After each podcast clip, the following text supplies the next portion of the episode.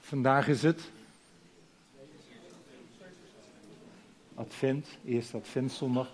Uh, vandaag is het ook uh, wie van jullie wist dat? Het Joodse feest, Chanukka. Vanmiddag om vijf uur is er een viering op de Mariaplaats bij ons om de hoek. Het kan dit jaar niet achter het stadhuis, omdat het stadhuis wordt verbouwd. Het is helemaal ingepakt.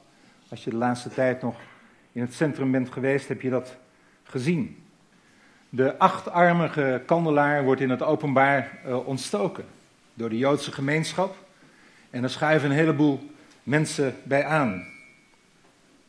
Het is in het uh, bijzijn van de burgemeester, van de commissaris van de koning, van de fractieleiders, uh, van de gemeenteraad, nog een Kamerlid en zo'n 25 genodigden.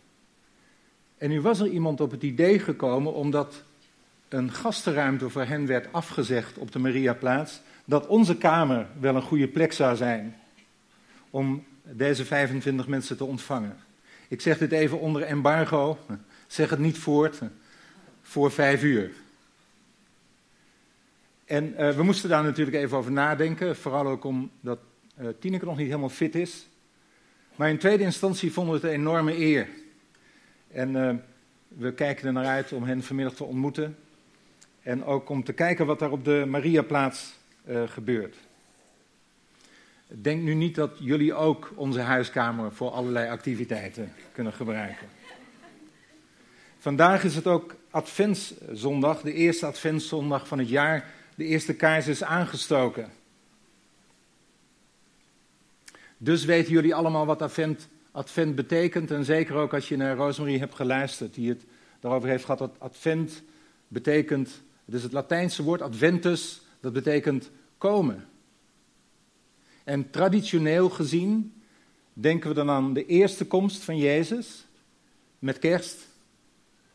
Maar het is ook zo dat er diepere lagen in dat komen zitten, in dat advent zitten. Het wijst ook vooruit, niet alleen terug, maar ook vooruit naar de terugkeer van Jezus, naar zijn tweede komst. Wanneer het licht voor altijd overwint.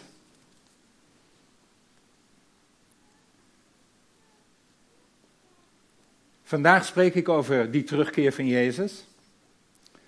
Nu hebben we in de gemeente heel veel mensen met hele mooie gaven.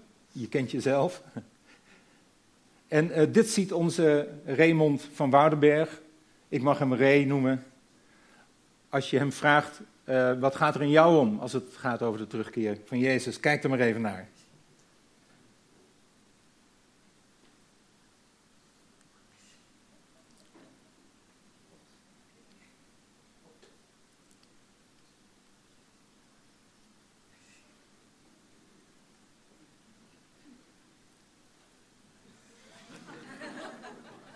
Jullie doen toch allemaal mee met de kerstpakketten, hè, dit jaar?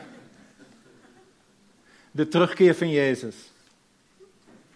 Zoals de meesten van jullie wel weten, wandel ik graag. Vanmorgen trouwens met mijn jas open, want het was warm. Dubbele cijfers. Ik wandel vaak alleen, maar ook wel samen met anderen. Een keer, een tijdje geleden, wandelde ik een met jullie, met, met een van jullie, namelijk met Hielke Bos. Ik wandelde met Bos in het Bos. En als jullie Hielke een beetje kennen, heb je dan boeiende gesprekken. En we hadden het over onderwerpen die eh, in onze kerk, of in het algemeen ook in de kerk in het Westen, onderbelicht dreigen te raken. En toen ik hem vroeg uh, aan welk thema hij specifiek dacht, zei hij de terugkeer van Jezus. En Hielke stemt daarin samen met Petrus. Petrus dacht dat ook. En vandaag wil ik het met jullie hebben over Petrus en over een hoofdstuk uit zijn brief, 2 Petrus 3, en het is een preek die ik eigenlijk al in september had zullen houden. Alleen uh, vroeg het leidersteam me toen om mee te preken in uh, dimensies van discipelschap, wat ik gehoorzaam heb gedaan. Dus deze lag nog in de week en ergens te wachten in de grondverf. En wat bemoedigend voor me was, is dat uh, eergisteren 2 Petrus 3 op mijn bijbelleesrooster stond.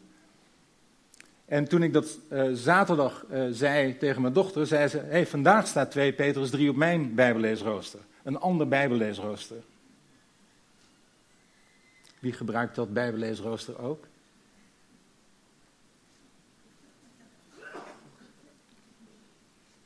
De hoofdstuktitel uh, die in de Bijbel in gewone taal in 2 Petrus 3 is meegegeven is De Heer zal komen. Nou, voordat we naar dat hoofdstuk gaan kijken, eerst iets over de auteur, over Petrus. Ik heb met opzet geen plaatje van hem uh, hier opgenomen. Het zou toch namaak zijn. Maar wat ik wil proberen is om jullie een beeld voor ogen te schetsen van wie hij is. Petrus, wie kent hem niet? Hij staat vooral bekend om zijn bondige, kort door de bocht, recht door zee beleidenis dat Jezus de Messias is. U bent de Messias, de Christus. Toen Jezus vroeg, wie zeggen de mensen dat ik ben?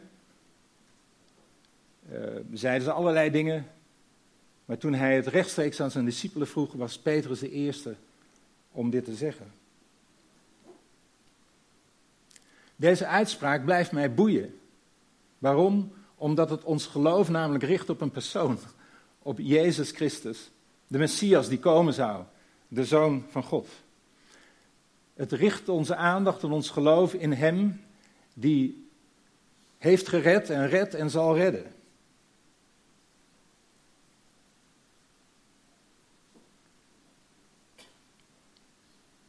Nou, Petrus dwingt respect af door zijn krachtige persoonlijkheid. Door ook hierin haantje de voorste te zijn. En met die beleidenis te komen, die echoot in onze oren, in onze harten. Petrus, de man, op ieder lijstje van discipelen van Jezus staat hij stevast bovenaan. Zijn invloed in de eerste gemeente was ontzettend groot en werd door iedereen erkend. Door de rol die hij daar had ontvangen, was hij veruit de krachtigste figuur in de eerste gemeente van de volgelingen van Jezus. Zijn energieke preken, zijn vurige gebed, zijn vrijmoedige genezingen eh, van zieken, ook op straat. En van zijn wijze leiderschapsstijl bevestigde het vertrouwen dat in hem werd gesteld. En de manier waarop Petrus met zichzelf omging in die machtspositie is zelfs nog indrukwekkender dan de kracht zelf. Hij bleef uit het centrum. Hij misbruikte de kracht niet.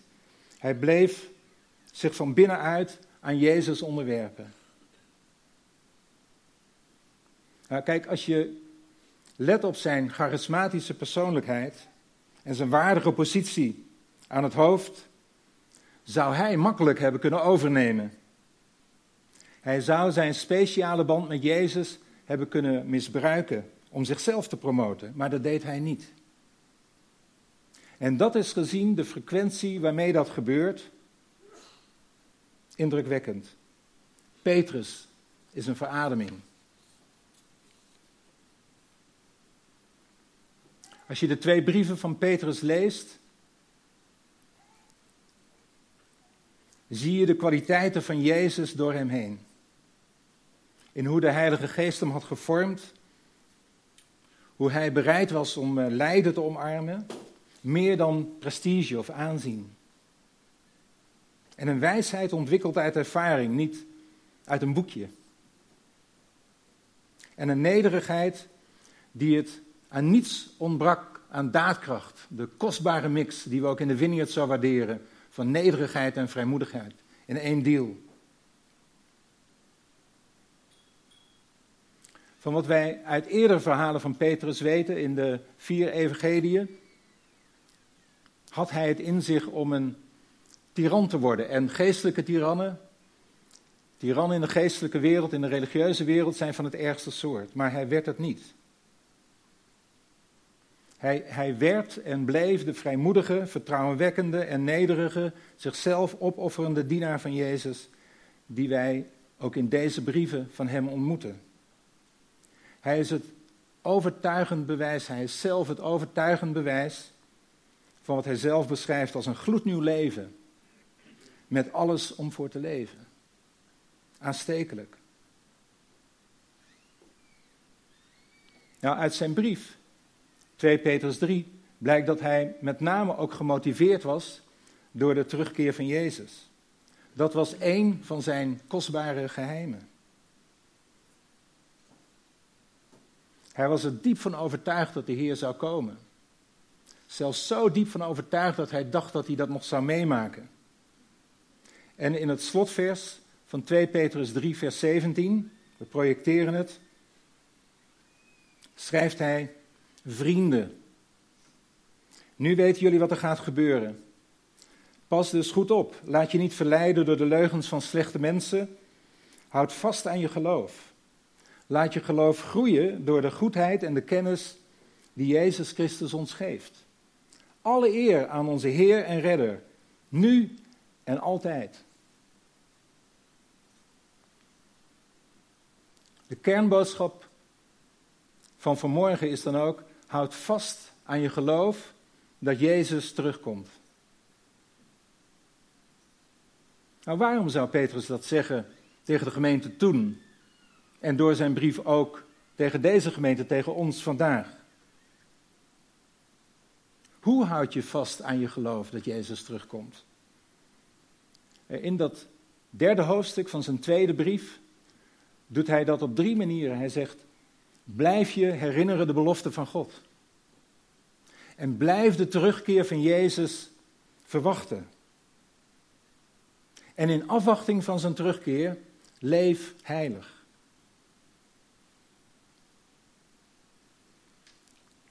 Herinneren.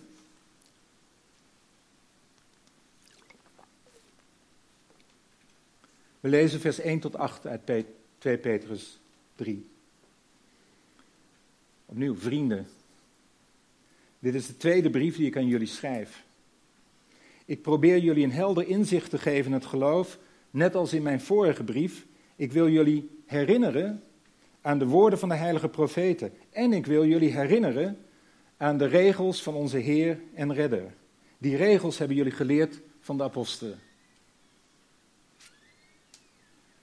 Jullie moeten vooral niet vergeten, is een ander woord voor herinneren, dat er aan het einde van de tijd mensen zullen komen die jullie geloof belachelijk maken.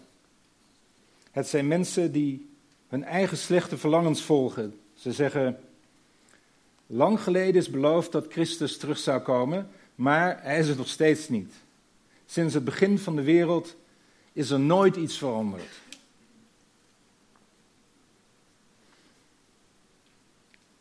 Dan maakt Petrus duidelijk uh, dat deze opmerking gevolgen heeft voor ons. En dat het goed is om in de eerste plaats te herinneren, en dat noem ik terug herinneren. Vers 5. De mensen die zo spotten vergeten, dat is het tegenovergestelde van herinneren, met opzet dat de wereld al een keer vernietigd is. Want lang geleden was er al een hemel en door te spreken maakte God een aarde midden in het water. En later heeft God die wereld vernietigd door het water van de grote overstroming. Dus het antwoord ligt in het verleden, maar het antwoord ligt ook in de toekomst. Ik noem dat vooruit herinneren. Vers 7. En God heeft ook gezegd hoe het zal aflopen met de hemel en de aarde die er nu zijn. Hij heeft besloten om ze te vernietigen met vuur. Dat zal gebeuren op de dag dat hij komt om recht te spreken. Op die dag zullen alle slechte mensen gedood worden.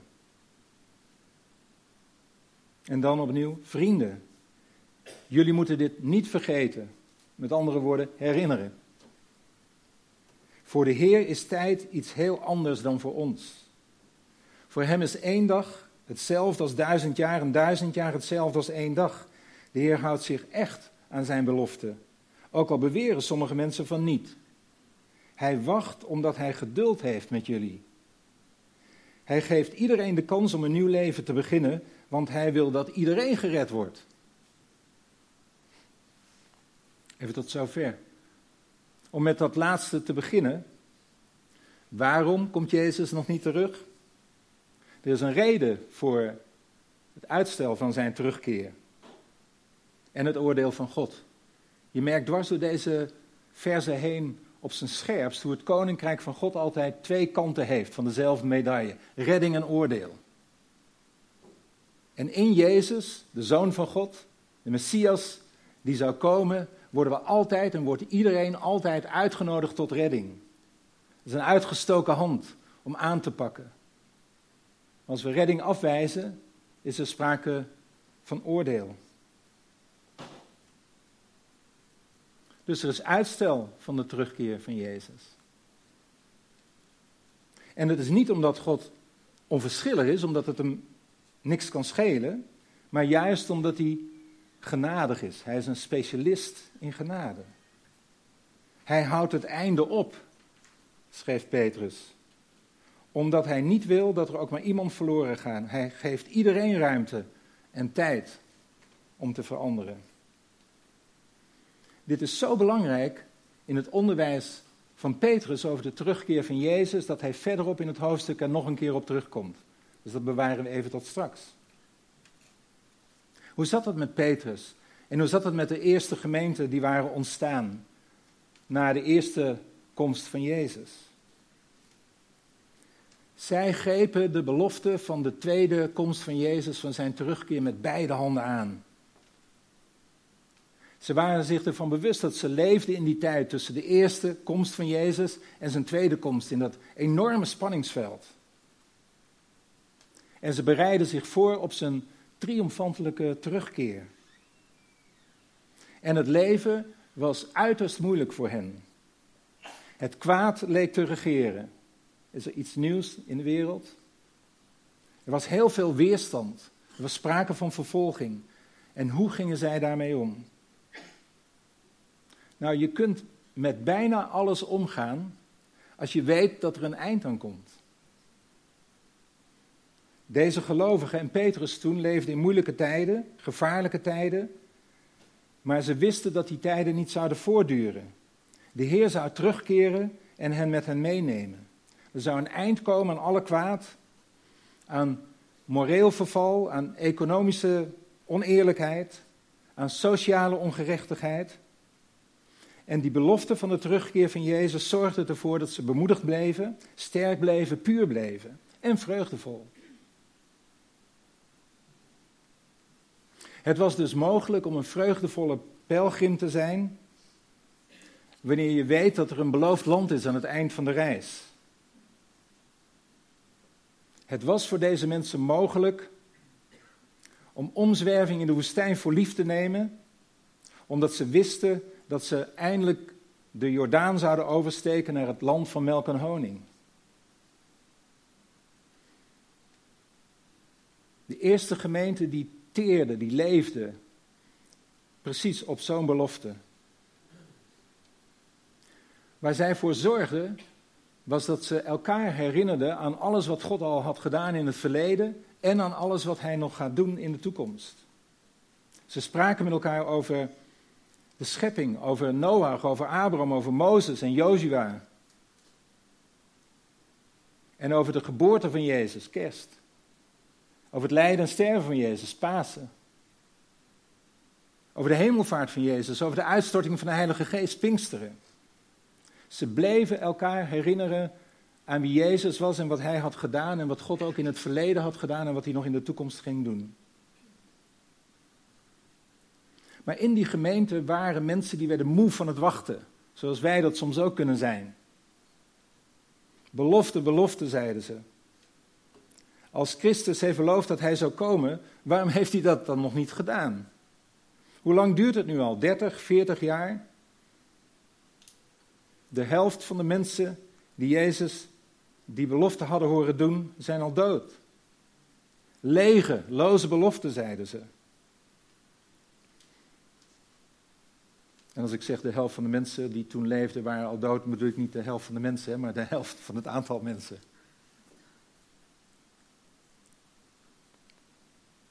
Maar Petrus zegt dat we deze tegenwerpingen kunnen weerleggen, pareren, dat we ze kunnen ontzenuwen.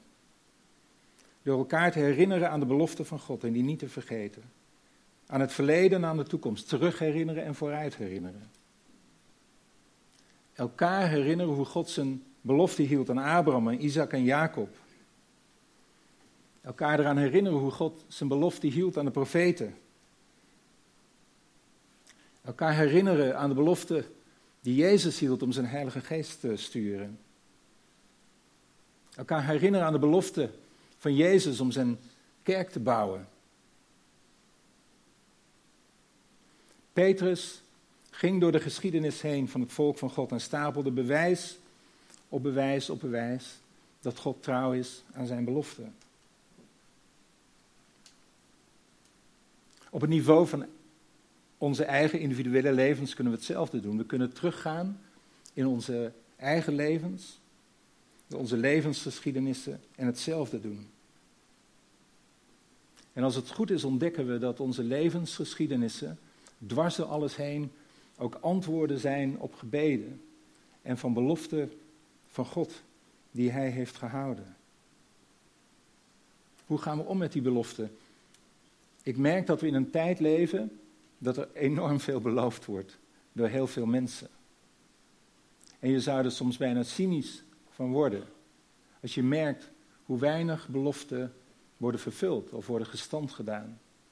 En het kan op ons een effect hebben uh, dat we mogelijk dan ook twijfelen aan de belofte van God. En Petrus zegt, doe dat niet. Blijf elkaar herinneren aan wie God is, wat hij zegt. Aan zijn belofte. Hij is zo anders dan wij, die vaak loze beloften doen. Maar behalve herinneren, zegt Petrus nog iets. Hij zegt, verwacht de terugkeer van Jezus. Niet een passief afwachten, de tijd uitzitten, berusten, maar actief verwachten. Houd jij van wachten? Ik heb er soms een bloedje hekel aan. In de file bijvoorbeeld. File is niks voor mij. Ik word er heel ongeduldig van. Totdat ik denk, oké, ik kan er ook niks aan doen. En dan berust ik. En met wachten is iets heel raars aan de hand. Je vindt het door de hele Bijbel terug. Ook bijvoorbeeld in wat wel wordt genoemd het intertestamentaire tijdperk tussen het Oude en Nieuwe Testament. Waarin mensen uitkeken naar de komst van de Messias, maar er heel weinig werd gehoord van God. En men wachtte en wachtte en wachtte op de Messias. Je vindt het door de hele Bijbel heen. Maar het aparte is dat het soms weinig plek heeft in het leven van ons als christen, in het leven wat we dagelijks leven. En dat kan zijn omdat we denken dat wachten een passieve bezigheid is, in plaats van een actieve en hoopvolle gerichtheid op het doen en laten van God, op dingen waarvoor nu nog geen bewijs is, vandaag, in deze wereld, in het heden, in het nu. Maar eigenlijk is een weigering van ons om te verwachten, een weigering om God ook te vertrouwen. Petrus zegt niet, jongens, uh, blijf koest. Uh, hij raadt geen passieve berusting aan. Maar hij heeft wel een andere goede raad. Uh, wacht hoopvol. Verwacht dat Jezus terugkomt. En meer dan dat, dwars door zijn brieven heen, verdacht, verwacht vandaag dat Jezus komt. In alles wie je bent en wat je doet. Jezus duikt op, hij komt opdagen in onze levens.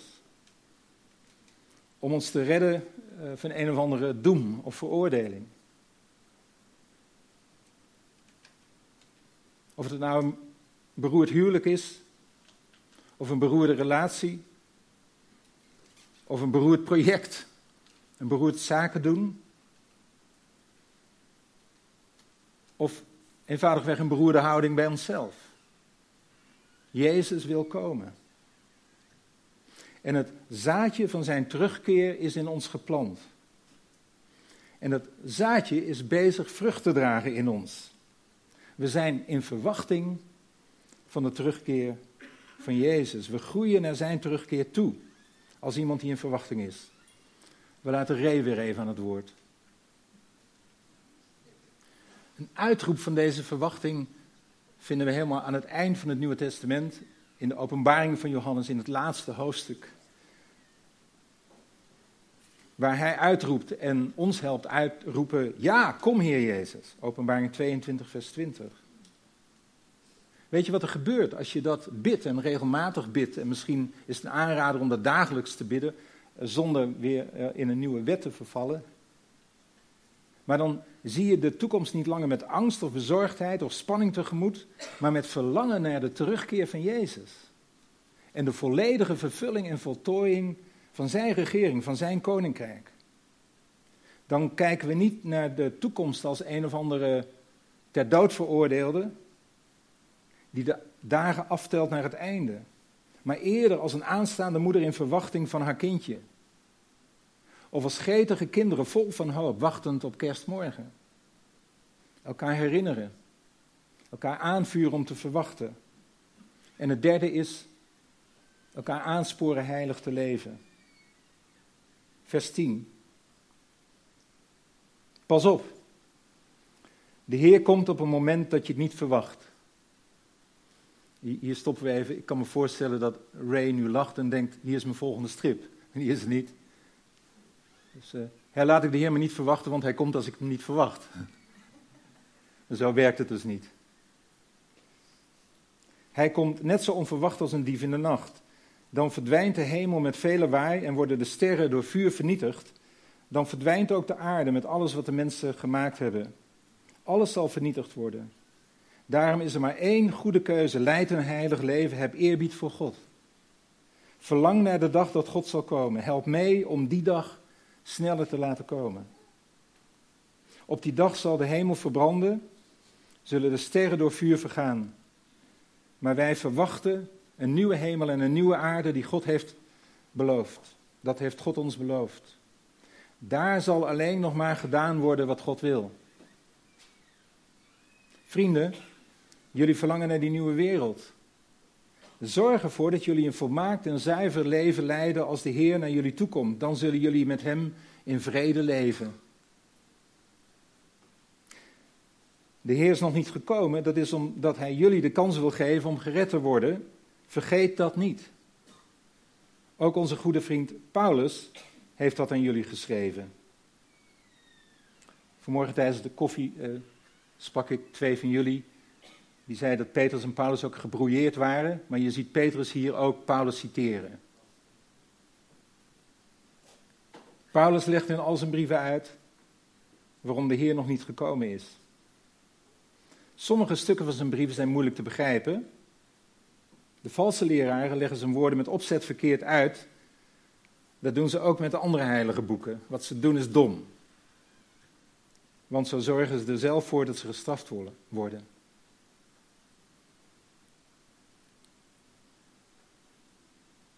Weer, zegt Petrus, er is een reden voor uitstel van de terugkeer van Jezus. God heeft geduld. En hij wil niet dat wij of anderen verloren gaan. Hij wil, positief gezegd, dat iedereen gered wordt. En die uitgestoken hand mogen we elke keer ook aanbieden. Nu zijn er heel veel boeken over de eindtijd op de markt. Toen ik destijds aan het eind van de jaren 60 tot geloof kwam, uh, was het echt een hot item. Ik noem even geen titels en auteurs. Um, en het was goed om een aantal van die boeken te lezen. Ook nu zijn er weer veel nieuwe andere boeken op de markt en dat zal niet veranderen. Maar ik denk, is wel ook een test voor al deze boeken. En die test is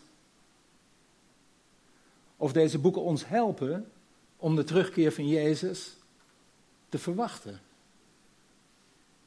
En de test is ook of die boeken over de terugkeer ons helpen om ons geloof te delen met anderen.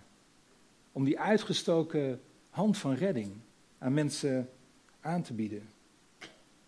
Want dat is in feite wat Petrus zegt. Wij kunnen helpen om Jezus sneller terug te laten komen. Wij zijn positief verwachtend. Kijk, je kunt er inderdaad op twee manieren naar kijken. Je kunt er naar kijken, zoals Petrus ook met uh, zoveel woorden zegt, naar het verbranden van de hemel en de aarde. Dat is een perspectief. Maar dat is het perspectief van oordeel, het perspectief van redding. En God nodigt ons daartoe uit, is een nieuwe hemel en een nieuwe aarde. De terugkeer van Jezus. Waar alleen nog maar gedaan zal worden wat God wil.